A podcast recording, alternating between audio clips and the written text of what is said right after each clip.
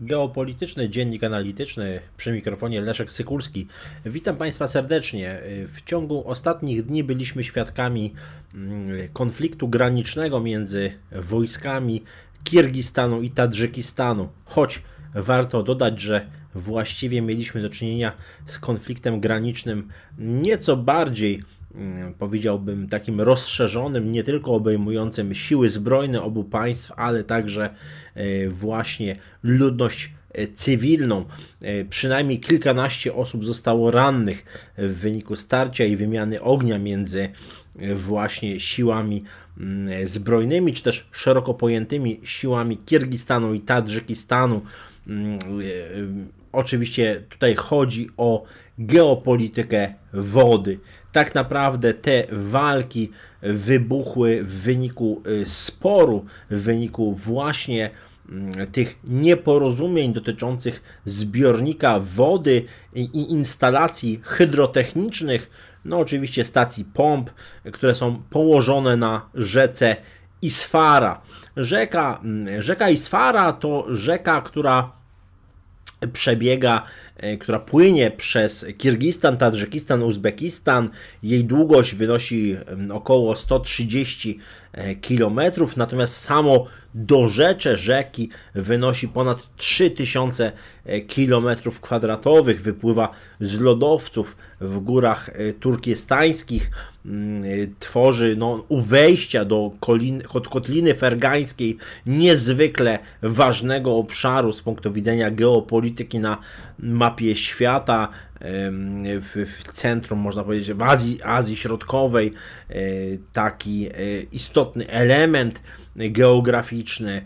E, oczywiście rozlewa się wieloma kanałami, które są połączone z wielkim kanałem fergańskim. I rzeczywiście ten czynnik dostępu do wody pitnej staje się coraz bardziej istotny. Jeśli e, przypomnimy sobie mm, ostatni konflikt graniczny w lipcu 2019 roku między właśnie Kirgistanem a Tadżykistanem, widzimy, że te czynniki geograficzne mają niezwykle istotne znaczenie, jeśli chodzi o e, regulację temperatury między oboma państwami. I y, oczywiście, jeśli chodzi o mm, porozumienie ministrów spraw zagranicznych obu państw, y, którzy mm, podpisali rozejm, którzy zawarli y, właśnie ten rozejm, to widzimy, że jest to tak naprawdę z punktu widzenia geopolityki porozumienie tylko i wyłącznie tymczasowe. Dyplomacja Kirgistanu bardzo lubi podkreślać, że tutaj rannych jest już kilkadziesiąt osób, mówi się o ponad 40 osobach i tak dalej, i tak dalej.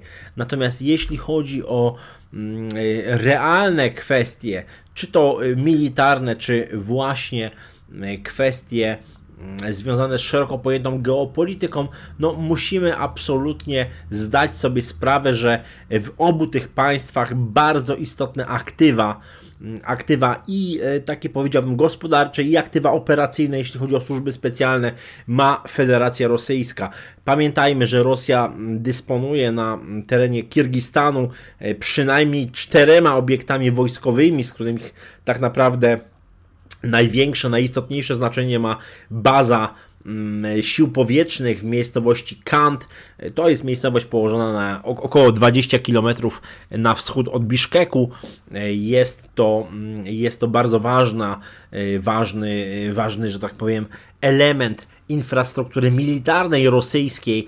No, oczywiście warto wymienić także chociażby takie elementy infrastruktury wojskowej rosyjskiej, jak węzeł łączności e, w Czałdowarze, e, czy poligon na jeziorze Issyk-Kul, czy też e, stację sejsmiczną w miejscowości Majłusu.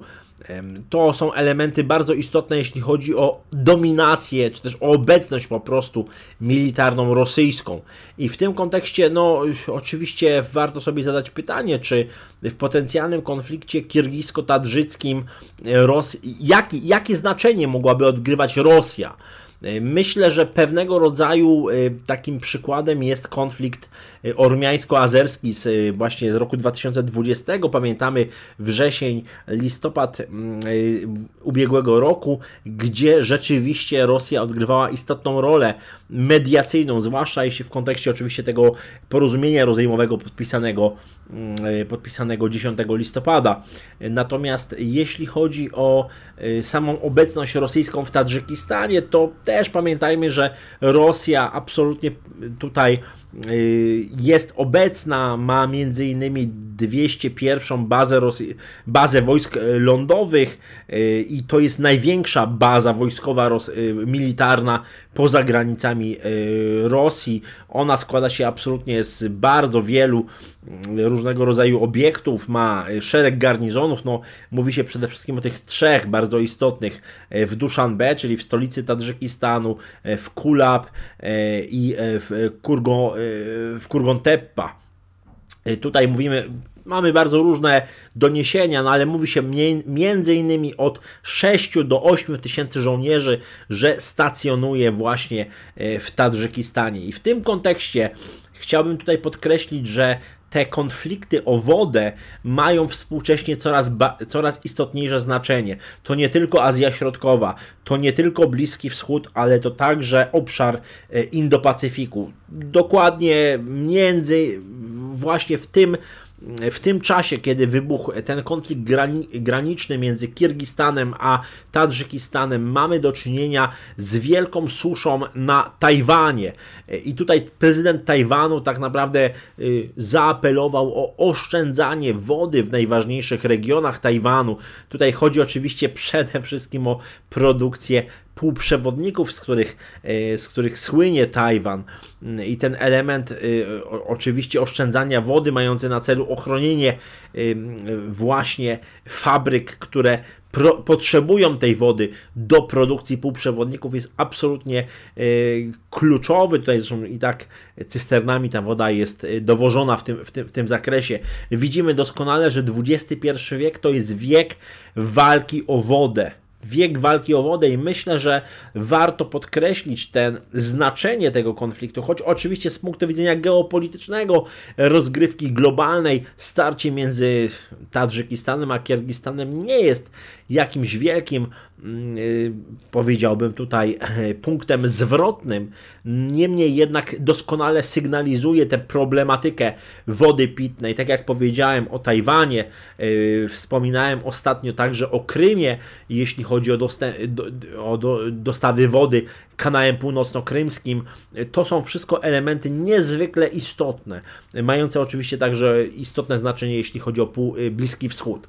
W związku z tym uważam, że mm, kolejna dekada XXI wieku będzie charakteryzowała się coraz bardziej, coraz ostrzejszymi e, walkami o dostawy wody pitnej. Jeśli chodzi o konflikt Tadżykistanu z Kirgistanem, uważam, że Rosja będzie starała się wykorzystywać swoje wpływy w obu państwach, aby odgrywać rolę mediatora, dokładnie tak, jak to się działo e, w konflikcie ormiańsko-azerskim. Dziękuję Państwu za uwagę.